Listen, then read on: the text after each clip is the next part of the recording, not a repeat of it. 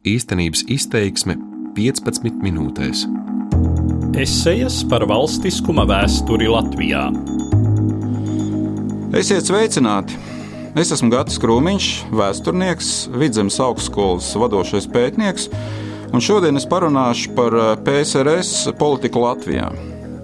Tēma ir pietiekoši sarežģīta, un lai arī mēs šogad svinam Latvijas valsts simtgadi, diemžēl pusi no šī laika mēs pavadījām totalitāru varu okupācijā.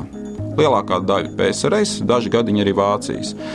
Un, e, mana tēma un tas, kā mēs esam pievērsies, ir saistīta ar to, kāda tad bija šī PSRS politika, ja mēs skatāmies no tādas sociāla-ekonomiskā redzes punkta. Jo mēs esam runājuši, protams, par represijām, mēs zinām par zaudēto neatkarību. Un es esmu pieteicis tādu tēzi, ka PSRS politika Latvijā bija koloniāla. Tas skan pietiekoši smagi, bet tā pašā laikā es turpmākajās minūtēs e, centīšos jums pierādīt to, ka man ir taisnība. Iesāksim ar to, kas tad vispār ir kolonija un vai mēs tiešām esam spējīgi kaut emocionāli pieņemt to, ka mēs kā Latvijas valsts varētu būt kolonija. Jo parasti mēs ar kolonijām uztveram kādas aizjūras teritorijas, kas ir atrodas citos kontinentos. Klasiski mēs uztveram to vai nu tā ir Āfrika, vai nu kaut kur Amerika savulaik bijusi.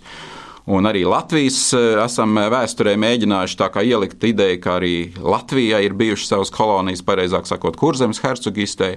Līdz ar to, protams, eh, mums pat tīri emocionāli ir diezgan sarežģīti pieņemt šo ideju, vai tiešām mēs varētu būt kolonija, vai kāds Latvijā ir mēģinājis īstenot koloniālu politiku.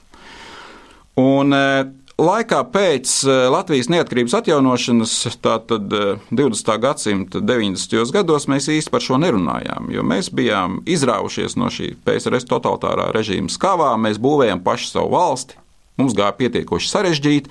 Daudzreiz mēs nesapratām, kāpēc tas nenotiek tik ātri, un kāpēc mēs nevaram uzreiz pāriet uz brīvo tirgu, kāpēc pēc desmit gadiem mēs jau neesam Somijas un citu Skandināvijas valstu dzīves līmenī. Un patiesībā ir tā, ka atbildes mēs varam meklēt tieši šajā PSRS politikā, kas bija Latvijā šī pusgadsimtā. Un, ja mēs skatāmies, kas tad reāli Latvijā notika, es to dalītu divos laika posmos. Tad, tad ja mēs skatāmies šo neatkarības zaudēšanas posmu, tad, tad Otrais pasaules karš iesācies 1939. gadā, vienojoties divām totalitārām valstīm, PSRS un nacistiskai Vācijai, tātad Molotov-Ribbentrop pakts. Un nepaiet ilgs laiks, kā Latvijā tiek jau izvietots PSRS militārās bāzes, kas ir daļa no šī PSRS un Vācijas slepenās vienošanās plāna. Un vēl pēc dažiem mēnešiem 40. gada jūnijā Latvijā ienāk PSRS karaspēks, gāž esošo varu, Un vēl pēc mēneša tiek izsludināta padomju vara un Latvija nonāk PSRS sastāvā. Tātad 40. gadā Latvija ir okupēta. E, kas e, notiek tālāk? Tālāk e, turpinās Otrais pasaules karš, kurš beidzās 45. gada septembrī. Un šī kara laikā Latvijā šie totalitārie režīmi mainās. Tad vispirms gadu saimnieko PSRS, tad nacistiskā Vācija un tad atkal PSRS. Un, eh, līdz ar to es šo uh, lielo uh, laika posmu, kad mēs esam zaudējuši savu neatkarību no, tā, no 40. līdz 90. gadam, es dalu tādos divos posmos, apakšposmos. Viens ir izlaupīšana, un tas ir tātad, otrais pasaules karš un turpmākie gadi apmēram līdz kolektivizācijai, līdz 1949. gadam, un pēc tam tā ir tātad, teritorijas eksploatēšana vai tā latviskāk sakot, izsaimniekošana.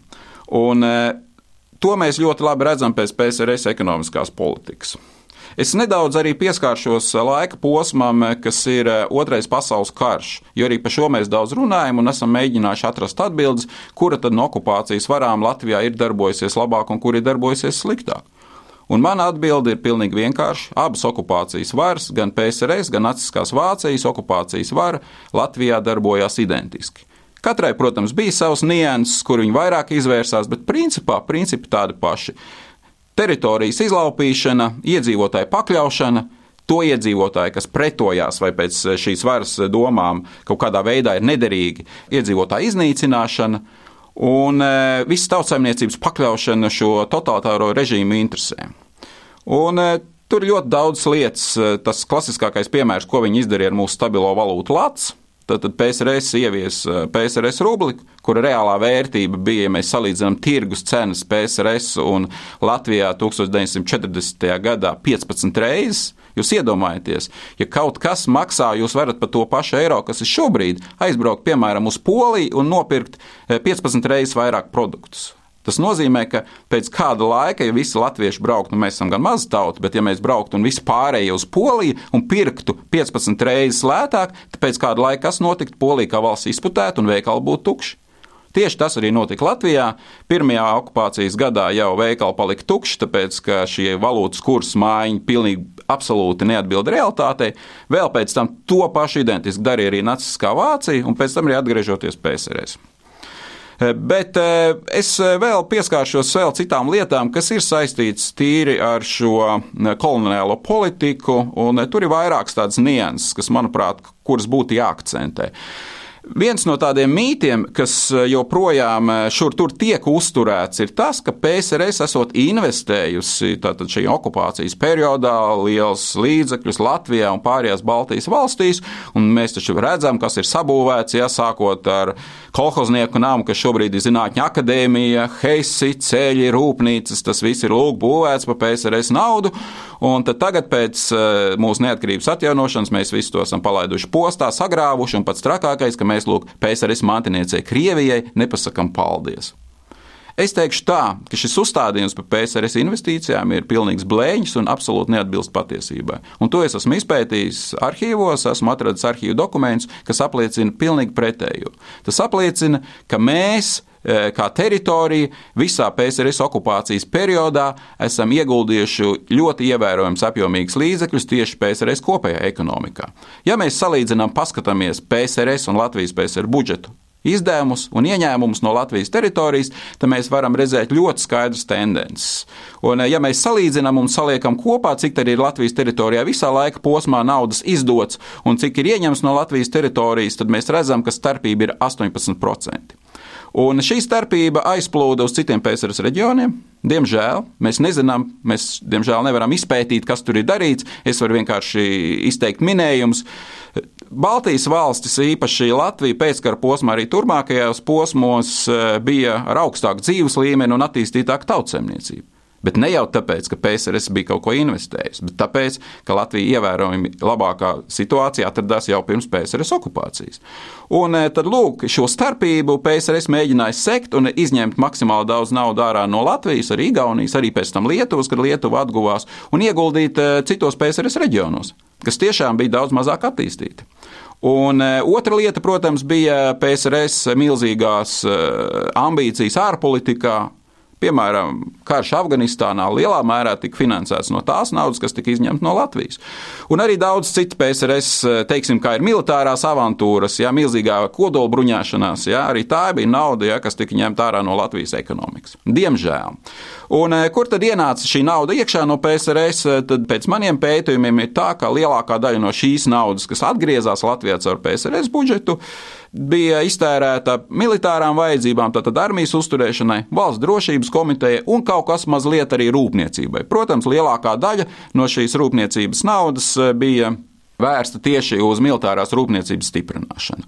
Bet mums katrā ziņā ir jāatcerās, ka pat pieskaitot šīs PSRS pēdiņās liekot investīcijas, jebkurā gadījumā ir tā, ka šie 18% naudas ir aizpeldējuši projām no Latvijas, un daļa no naudas, kas ir vēl lielāka, kas aizpeldējusi, ir atgriezies savu šo PSRS budžetu. Tātad, ja mēs paskatāmies tādā makroekonomiskā analīzē, tad mēs ļoti skaidri redzam, ka ir šīs PSRS eh, koloniālā politika. PSRS reāli Latvijas teritorija ir izmantota izmantojusi. Daudz citas lietas, kas diemžēl notika un kuras ir noteikti jāpiemina, viena no ļoti būtiskajām lietām, kas ir, ko mēs zaudējām, diemžēl pateicoties Otram pasaules karam un arī PSRS okupācijas periodam, tā ir mūsu nācijas intelektuālais potenciāls. Es teiktu tā, ka Otrā pasaules karā mums tika nocirsta mūsu intelektuālā galva. Mēs pazaudējām ļoti daudz, un Patiesībā mēs pat tagad īsti neesam apzinājušies līdz galam, cik daudz mēs pazaudējam. Nosaukšu dažus piemērus. Kopumā mēs eh, otrā pasaules kara laikā pazaudējām tūpē pusmiljonu iedzīvotājiem. Tad, tad Latvijā bija otrā pasaules kara priekšvakarā divi miljoni, otrā pasaules kara beigās Latvijā bija tikai pusotrs miljons. Ko tad mēs pazaudējām? Mēs pazaudējām divas eh, intelektuāli visspēcīgākās nacionālās minoritātes, tātad vācu baltiešus un holokaustā ebrejus. Apmēram 100 tūkstoši mūsu iedzīvotāji tika nogalināti abās okupācijas karaspēka armijās. Tātad gan nacistu mobilizācijas, ko viņi nosauc lielā mērā, iepakoja kā mūsu brīvprātīgais leģions, gan arī PSRS mobilizācijas sarkanajā armijā bija absolūti nelikumīgas, neat neatiecās ne uz kādām starptautiskām konvencijām, okupētā teritorijā tādas lietas nevar darīt. Diemžēl mēs no sava dzīvā spēka pazaudējam 100 tūkstošus.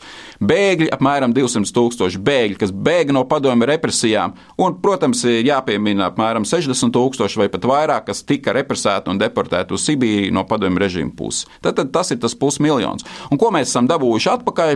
Ja mēs paskatāmies, tad jau līdz 1956. gadam Latvijas iedzīvotāju skaits it kā ir atgriezies pirmskara e, tādās robežās, jau pārsniedz divus miljonus. Bet tas ir diemžēl pateicoties gan stihiskai, gan organizētai imigrācijai no citiem PSRS reģioniem.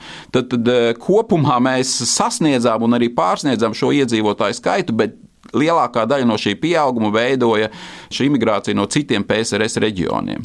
Notika Latvijā vēl viena lieta, kas noteikti ir jāpiemina, ka milzīgu triecienu PSRS okupācijas periodā saņēma viens no Latvijas vēsturiski visblīvāk apdzīvotiem reģioniem - Latgale. Jo Latgale, kas okupācijas priekšvakarā bija Latvijas visblīvāk apdzīvotais reģions, okupācijas beigās jau 80. gados bija vismazāk apdzīvotais. Un paradoxāli, ka etnogrāfiskajā vidzemē 80. gadu beigās beigās jau dzīvoja vairāk latgalē dzimuši cilvēki nekā latgalē. Tā kā arī šīs lietas, ko mēs kādreiz eh, mēģinām kaut kādā veidā attiecināt uz neatkarīgo Latviju, teiksim, latgales depopulāciju, tās saknes ir padomju okupācijas režīmā. Tad, tad šī eh, latgales atpalicība, jā, patiesībā šī impulsa tika ielikti šajā padomju režīmā. Ja mēs paskatāmies tīri no tāda šī postkoloniālās perspektīvas, ja, kāpēc tas ir svarīgi, tas eh, lauza ļoti daudz lietas un tradīcijas, kas kas mums bija, teiksim, šo darba mīlestību, darba tradīcijas. Ja? Mēs šobrīd daudz runājam par ekonomikas produktivitāti. Skaidrs, ka nav pārsteigums, ka mēs joprojām nevaram lauzt dažas lietas, kas padomju okupācijas režīmā tika uzspiestas. Tātad aizbraucot, izceļojot, eh, pazaudējot Latviju šo pusmiljonu cilvēku, un ko viņi ieguva vietā, viņi ieguva iekšā lielākā daļa no šiem iebraucējiem glābās no bada un nabadzības citos PSRS reģionos, un nebūtu viņi nenāca ar šo domu, ka viņi tagad ieguldīsies attīstīsies un ka viņi katrā ziņā būs vēl spēcīgāki kaut kādā veidā, intelektuāli vai, vai darba kultūras ziņā par vietējiem Latvijas iedzīvotājiem. Un tas ir tas eh, viens no skaidrojumiem, kāpēc, diemžēl, mēs eh, laika posmā pēc neatkarības atjaunošanas nespējām tik strauji īstenot šīs mūsu ieceres un reformas. Jā, mēs ļoti ātri iestājāmies Eiropas Savienībā, NATO, un, un par to mums ir liels prieks, bet joprojām mums ir ļoti daudz kas jādara, lai mēs laustu dažādus stereotipus mūsu sabiedrībā, kas un kā ir jādara, kādi ir jāpieņem lēmumi, kā jārīkojas atsevišķās situācijās, un diemžēl es teiktu, ka tas ir šī padomju koloniālās politikas mantojums. Vēl dažas lietas, eh, ko es noteikti gribētu pieminēt. Tā ir eh, arī eh, kultūra. Un arī kultūras jomā teiksim, viens no tādiem koloniālas politikas tādiem, faktiski raksturošām iezīmēm ir citas kultūras, svešas kultūras uzspiešana. Un šeit gan padomju režīms ļoti daudz pastrādāja. Un nav pārsteigums arī, ka liela daļa no tiem cilvēkiem, kas Latvijā bija iebraukuši, tātad e, imigrējuši jā, šajā PSRS okupācijas periodā, pat joprojām viņi tic šai padomu ideoloģijai, tāpēc, ka viņiem bija iestāstīts tādas lietas, kas nu, kas tādam normālam Latvijas iedzīvotājam likās pilnīgi nepieņemams. Nu, kaut vai šī pati teiksim, dzīves līmeņa starpība. Šo dzīves līmeņa starpību padomju režīms ar tādu faktiski varam teikt ģeniālu tādu propagandas metodi iestāstīja vietējiem iedzīvotājiem, ka tieši dēļ šīm padomu investīcijām ir eh, šis dzīves līmeņa starpība. Un iedomājieties, kāds iebraucējs, piemēram, kaut kādos 50. un 60. gados atbrauc no kaut kāda Krievijas iekšzemes reģiona, ja, kur ir viens nolaists kolhos un staigā pa Rīgas ielu un saka, jā, tiešām te ir cits dzīves līmenis un veikalos tomēr lietas ir vairāk, un tas viss par mūsu naudu. Tā kā iedomājieties, jā, kā šī ideoloģija strādā. Tomēr arī runājot par šo PSRS okupācijas periodu un režīmu koloniālo politiku, es tomēr gribu noslēgt eh, šo savu priekšlasījumu uz tādas pozitīvas nots. Jo arī vistraģiskākajos notikumos ir kaut kāds pozitīvs. Es teiktu, ka mūsu sabiedrība kopumā no šī okupācijas perioda, tie, kas mēs šeit izdzīvojam, palikām, ieguvām neatsveramu pieredzi. Pieredzi dažādās jomās, eh, kā pārdzīvot milzīgas imigrācijas viļņus, kas, piemēram, ir ļoti aktuāli šobrīd Rietumē, Eiropā. Mēs zinām, mēs zinām, kas tas ir. Un, ja mums kāds prasīs padomu, mēs varam izstāstīt, kas šādās situācijās ir jādara. Arī citās jomās, arī, ja mēs runājam par mūsdienām, ja mēs runājam par nākotni, tad arī šis PSRS okupācijas periods ir apliecinājis mūsu sabiedrības spēku un mūsu nācijas spēku, jo 80. gadu beigās, kā bija iespēja, mēs momentāli vērsām visu mūsu enerģiju un spēku uz neatkarības atjaunošanu. Un e, es esmu pilnīgi drošs un pārliecināts, ka mūsu jaunā paudze, kas ir izaugusi jau pēc neatkarības atjaunošanas, ir absolūti imūna pret e, šīm propagandas eh, mēģinājumiem no citām valstīm, no mūsdienu Krievijas, diemžēl, kas joprojām mēģina šo PSRS okupācijas periodu Baltijas valstīs pasniegt kā veiksmes stāstu un mūs nodēvēt par nepateicīgiem. Es domāju, ka šie mēģinājumi pēdējos gados ir izgāzušies, un tāpēc nav pārsteigums, eh, ka Latvija Eiropas līmenī novērtēta kā valsts numur viens, kas ir vissekmīgāk apkarojusi Krievijas propagandu un ideoloģiju. Par to man ir eh, patiesa prieks, ka arī mēs, akadēmiskie cilvēki, esam devuši savu ieguldījumu, lai mēs mūsu simtgadu sagaidītu ar drošu skatu nākotnē. Eh, paldies visiem, kas uzklausīja mani, Gati Krūmiņu, Vidzemes augstskolas vadošo pētnieku, vēsturnieku. Esejas par valstiskuma vēsturi radio skan pateicoties Kultūras ministrijai un Latvijas Universitātei. Īstenības izteiksme 15 minūtēs.